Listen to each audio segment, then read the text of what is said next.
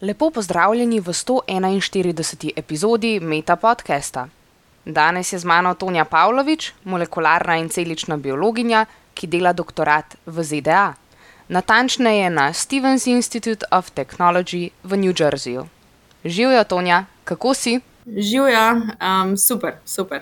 Uh, no, najprej te prosim, če se nam lahko malo predstaviš. Uh, moje ime je Tonja, sem raziskovalka na področju celične in molekularne biologije in sem trenutno v tretjem letniku doktorskega študija.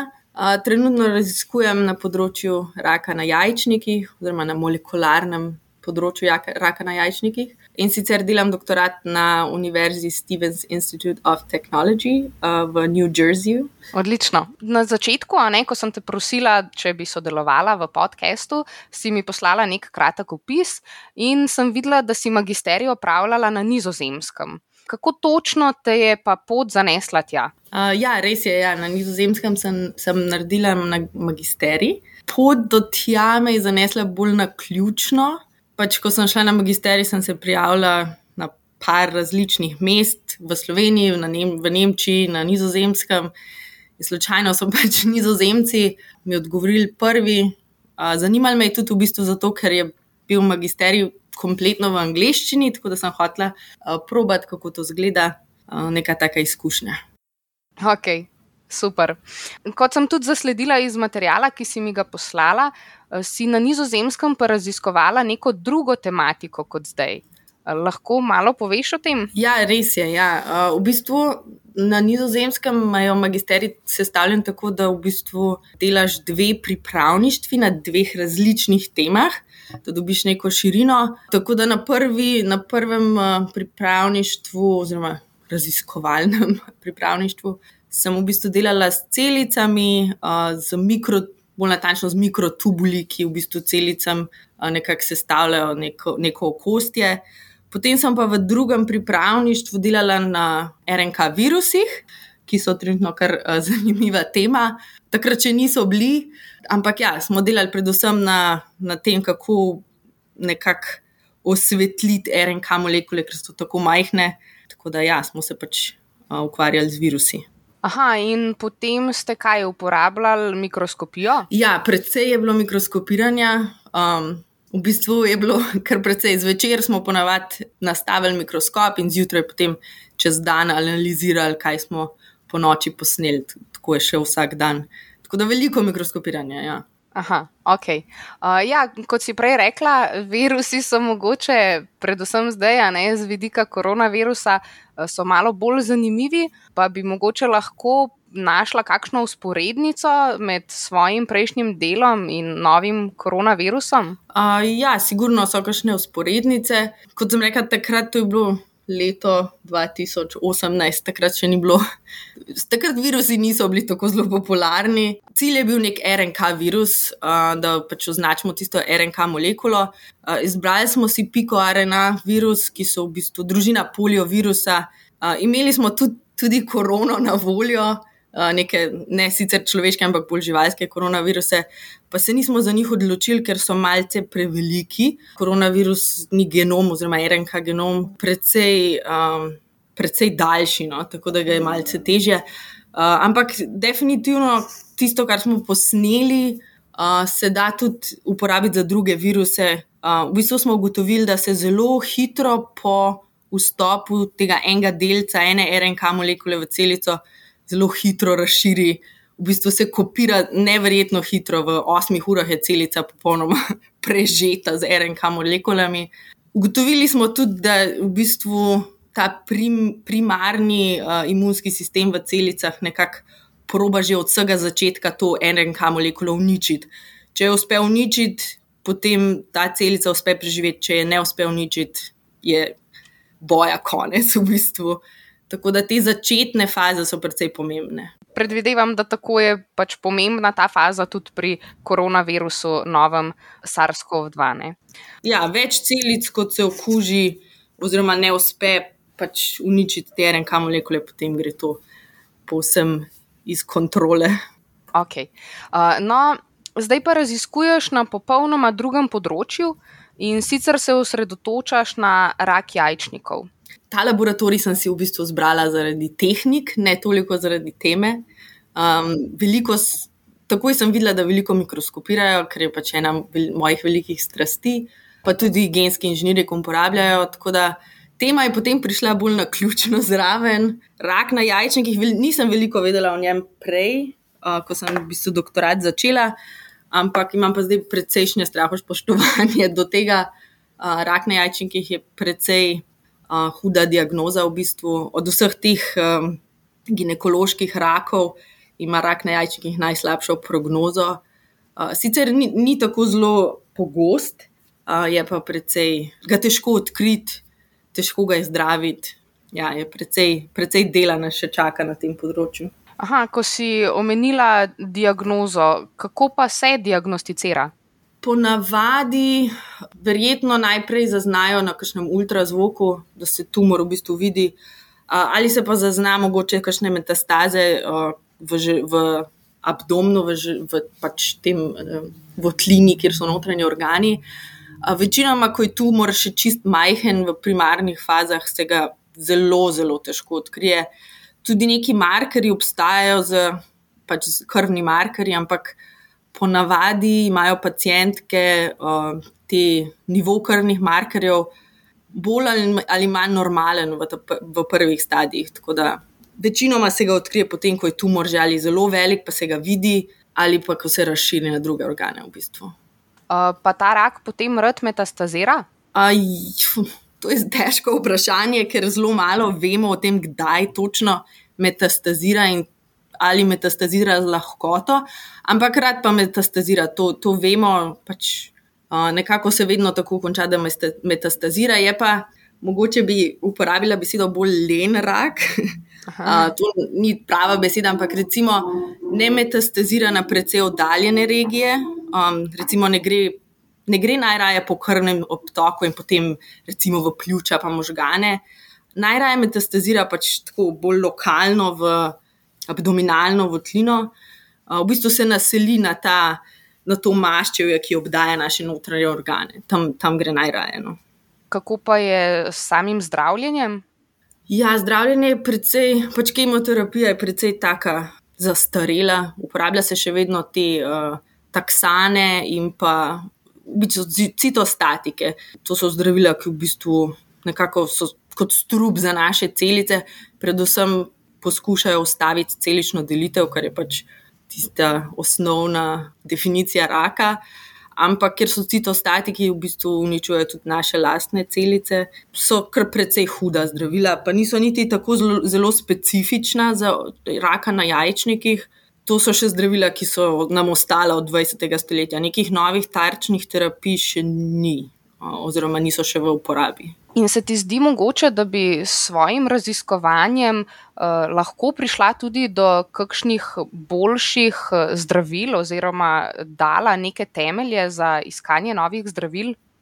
Um, ja, sicer moje raziskovanje je nekaj bolj bazično, uh, se pravi, delamo bolj na raziskovanju, kako sploh ta rak um, uspeva in kako, kako nastane, kako se širi. Uh, tako da mogoče ne ravno, posre, ravno direktno, ampak mogoče bolj posredno bi lahko eventualno postavili kakšne nove temelje, mogoče našli kakšno novo tarčo za terapijo. Teh tarč je sicer že nekaj zunaj, potem je pač na kliničnih študijah, da take tarče uh, nekako izberejo, pregledajo, če so dejansko uporabne. Ampak ja, v bazični znanosti ponavadi postavljamo neke, oziroma poskušamo postaviti neke temelje, oziroma ugotoviti, kaj bi bile lahko potencijalne tarče. Sveda, ja, vedno je treba nekako začeti z nekimi osnovami, potem pa na tem gradimo. Ja. Tvoje raziskovanje je kar pomembno. Um, predvsem, no, bazična znanost je nasplošno pomembna, že tako zaradi radovednosti in pač odkrivanja novih pojmov. Ampak uh, raziskovanje na raku je pa predvsem v zadnjih desetletjih postalo precej pomembno, ker je pač raka toliko veliko, ne, nekako se je uh, ustalil v naši družbi uh, in je pač malo drugačen od ostalih bolezni, um, ker je pač nekako bolezen naših lastnih celic. Zato je kar pomembno, da v bistvu odkrijemo, kaj se sploh dogaja, sploh, kako sploh do tega pride, in potem se vprašamo, kako lahko to ustavimo. Ampak najprej moramo vedeti, kaj se sploh dogaja. Zelo veliko stvari o raku. Sploh ne razumemo, v bistvu. No, pa ste na tem novem področju, ki ga raziskuješ na svojem doktoratu, ste kaj konkretnega odkrili?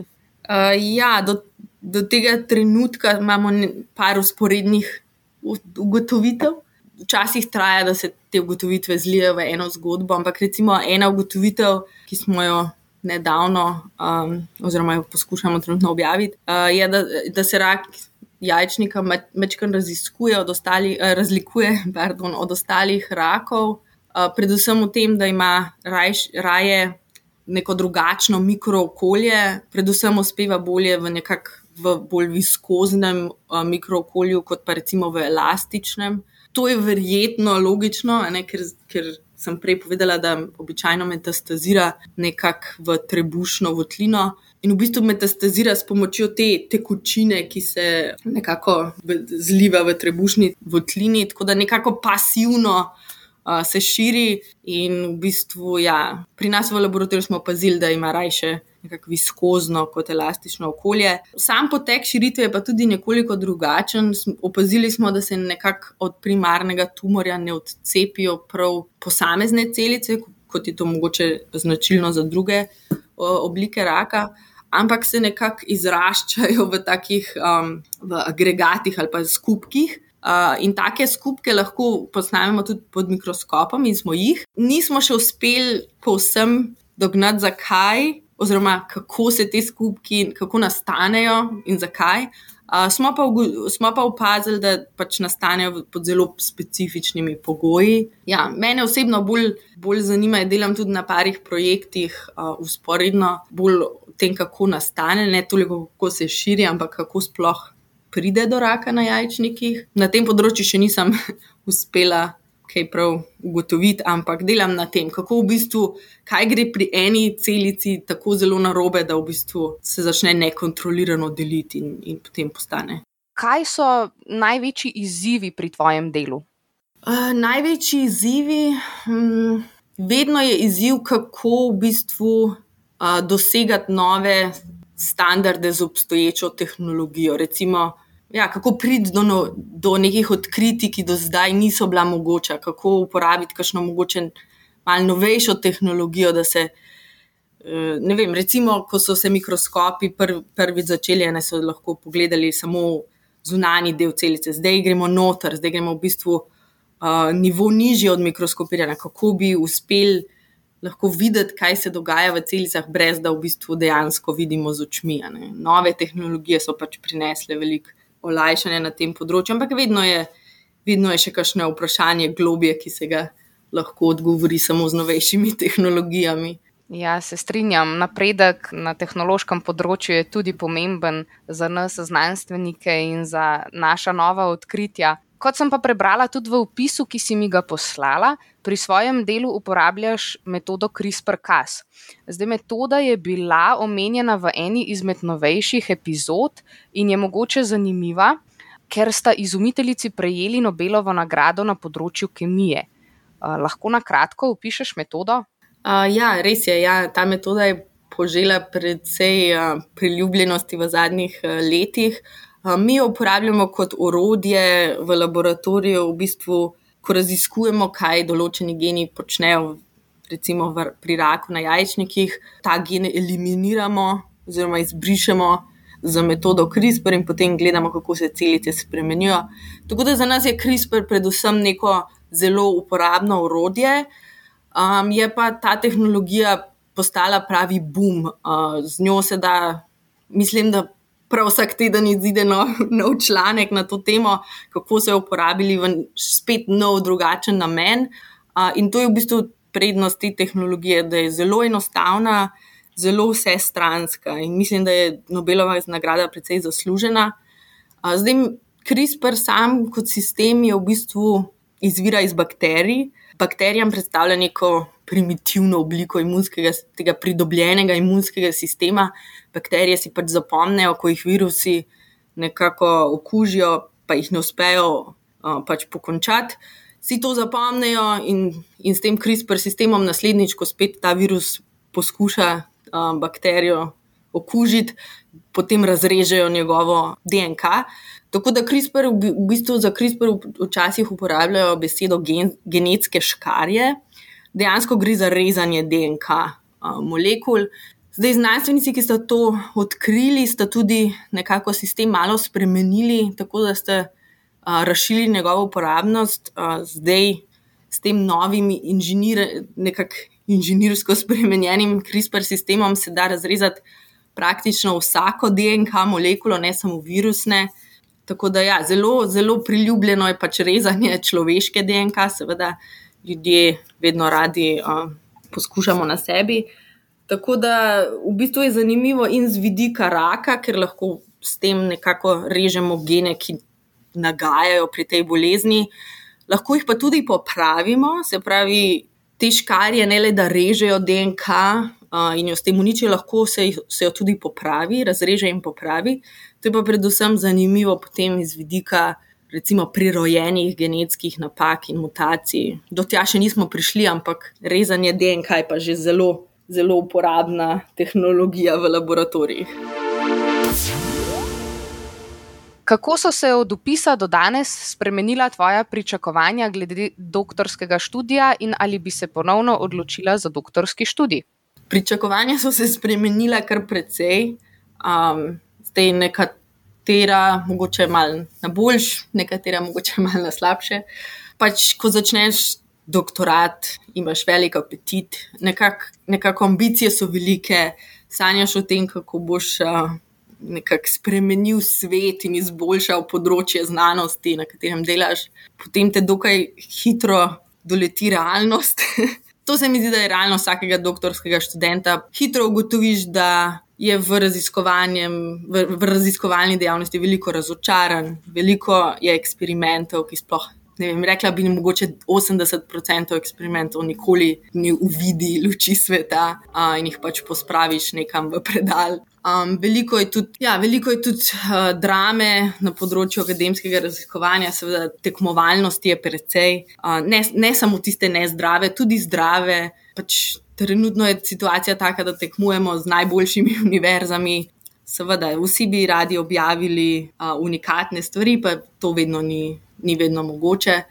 Tako da, ja, malce, so, malce se uh, ta pričakovanja spustijo na realna tla, ampak je pa še vedno veliko lepega, v, se mi zdi, v, v tej dejavnosti. In jaz bi se osebno še enkrat verjetno odločila za doktorat, mogoče, mogoče bi si premislila glede univerze ali, ali pa mogoče glede. Kraja, kjer upravljam doktorat, ampak mislim, da bi se še enkrat odločila. Ja. Okay. Če bi imela priliko iti na kavo s predsednikom vlade, kaj bi mu predlagala, da izboljša na področju znanosti? Uh, ta, je, ta je precej težko vprašanje. Verjetno marsikaj, ampak glede na to, da je to predsednik vlade, bi uporabila že zlajnano ploščo, a, pač vlaganja v znanosti. No, se mi zdi, da vsi znanstveniki to konstantno meljemo. Ampak je pač res, da v Sloveniji imamo pač veliko mladine, ki je precej splošno dobro razgledana, pa nekako te mladine ne znamo dobro gojiti. Zdaj, vlaganje v znanost je res. Se mi zdi, da v Sloveniji imamo veliko te mentalitete, saj tako, ah, saj te, ki so dobri, bodo že dobili sredstva nekje. Uh, evropska sredstva, recimo, so nam na voljo in je super, da so nam na voljo, ampak druge države, recimo tiste države v Evropi, ki so res na višku poznanosti, um, tudi same vlagajo precej na primarnem nivoju v znanost ker vedo, da samo tako bodo njihovi znanstveniki tudi konkurenčni na evropskih razpisih. In se mi zdi, da Slovenija večkrat pozabi, da je treba nek začetni vložek dati, da se potem to razvije naprej. Pa tudi odprtost, recimo. Ne bi škodilo, ne, se, tako kot sem omenila, na nizozemskem imajo vse znanstvene magisterije v angleščini. To res potegne študente iz cele Evrope in, in, in ta, nastane potem tako eno fenomenalno vzdušje, in, in sodelovanja se potem okrepijo in nadaljujejo tudi potem preko državnih meja, meja ko grejo študenti nazaj. Tako da malo odprtosti ne bi škodilo na tem področju. Ja, v bistvu bi se kar strinjala s tabo. Ja. Kaj boš počela čez pet let in kaj čez 40 let? Um, čez pet let upam, da bom nadaljevala. Na raziskovalnem področju bi rada ostala, mogoče na kakšnem podoktorskem, podoktorski poziciji. Zdaj, raziskovalna področja so na voljo tako v akademskem svetu, kot v industrijskem, tako da to še ne vem, kam bi šla raje, ampak definitivno bi ostala v raziskavah. Čez 40 let, ta je malo težja, se mogoče vidim kot, um, uh, kot neka, to se bo slišalo zdaj zelo uh, narcisoidno, ampak mogoče neka profesorica uh, ali pa samo vodja um, pač svojega laboratorija. Ampak ja, rada bi ostala v tem uh, okolju podajanja znanosti. Mislim, da ni bilo čisto nič narcisoidno, ampak samo malo bolj ambiciozno, tako ja. da vse je v redu. Bi drugim doktorskim študentom predlagala kakšno tehniko za upravljanje s časom ali pa morda računalniški program, ki ti olajša delo in ti prihrani čas? Um, zdaj, prav posebnega programa, ki bi olajšal čas na splošno, nimam. Imam, imam dve priporočili, tako splošni priporočili. Uh, zdaj, prvo je, da ja, to je nekaj, kar jaz obožujem. Prvo je, da mogoče je prihrani čas, če se naučijo bodoči ali pa uh, mogoče ja, že uh, začetni dok doktorski študenti, če se naučijo malce programiranja. Jaz se tega nikoli nisem zares naučila, um, ampak v bistvu sem se zdaj bila primorana naučiti pisati tako manjše, oziroma zelo, zelo lahke kode uh, v Java programskem jeziku. In sicer to samo zato, da v bistvu lahko uh, napišem kodo, da računalnik potem analizira uh, te kup slik, ki jih dobimo iz mikroskopa. To so res ogromni kupi. Če bi hotela iti čez to ročno, bi mi vzeli precej velik časa. Tako da programiranje je nažalost neka, neko zelo, zelo dobro orodje, če si želiš prihraniti čas.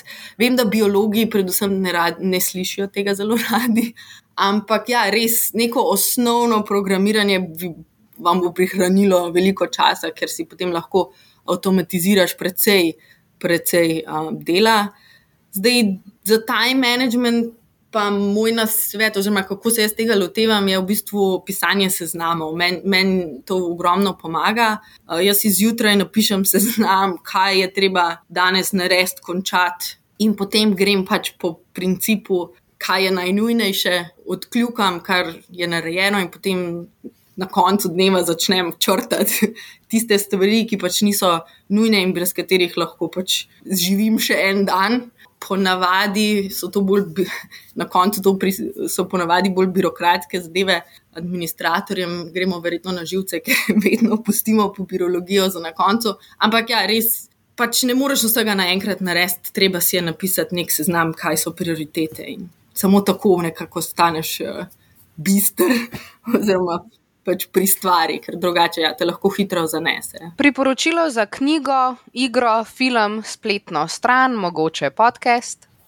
Ja, tukaj sem si izbrala, um, to, se, to se bo zdaj super piflarsko slišal, ampak sem si izbrala, da priporočim dve uh, poljudno-znanstveni knjigi, ki sta v bistvu nekakšna tema, o kateri so danes govorile.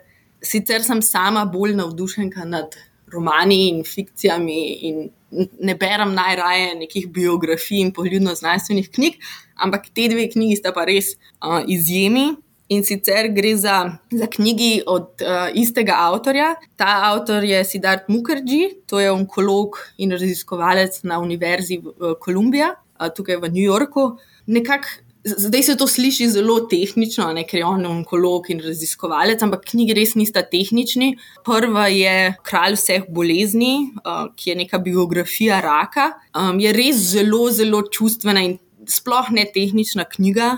Uh, v bistvu te nekako popelje čez zgodovino te bolezni, kako je v bistvu um, nekako bila tabu v preteklost in kako je zdaj postala neka stalnica v naših življenjih, in kako so se jo v 20. stoletjih, v 20. stoletju res agresivno lotevali. Res ni tehnično zahtevna in ne, ne rabi brati dosti znanstvene podlage, predvsem ima zelo čustveno noto. Um, zdaj njegova druga knjiga, oziroma ne vem, če je druga, no, ampak druga, ki sem jo jaz prebrala od tega avtorja, je pa Gen. Ta je mogoče majčkano bolj znanstvene tematike, uh, spet ne preveč. Ampak, če vas recimo zanima uh, genetika, tako nasplošno, ne preveč v detalje, ampak če vas zanima genetika, pa molekularna biologija, potem je to super knjiga. Uh, predvsem, gre, predvsem opisuje, kakšna ogromna tehnološka in um, pač bazična odkritja so bila narejena v 20. in 21. stoletju. Govori tudi malo o tej CRISPR metodi, ki smo jo danes omenili. Predvsem je pa zabavno, ker potem opisuje tudi vse osebne drame, ki so se dogajale med temi velikimi znanstveniki, uh, tako da ima tudi neko tako malce uh, dramatično noto. No. Za te teme se mi zdi, te dve knjige sta super. Film mogoče?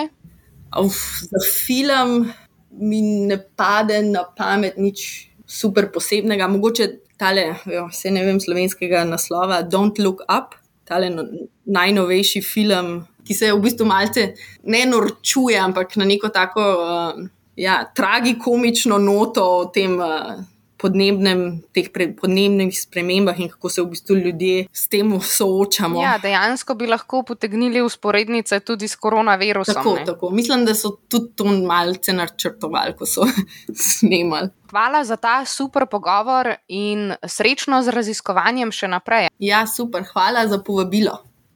Poslušali ste Meta podcast, podcast, v katerem se pogovarjamo z mladimi znanstveniki in znanstvenicami z različnih področji znanosti.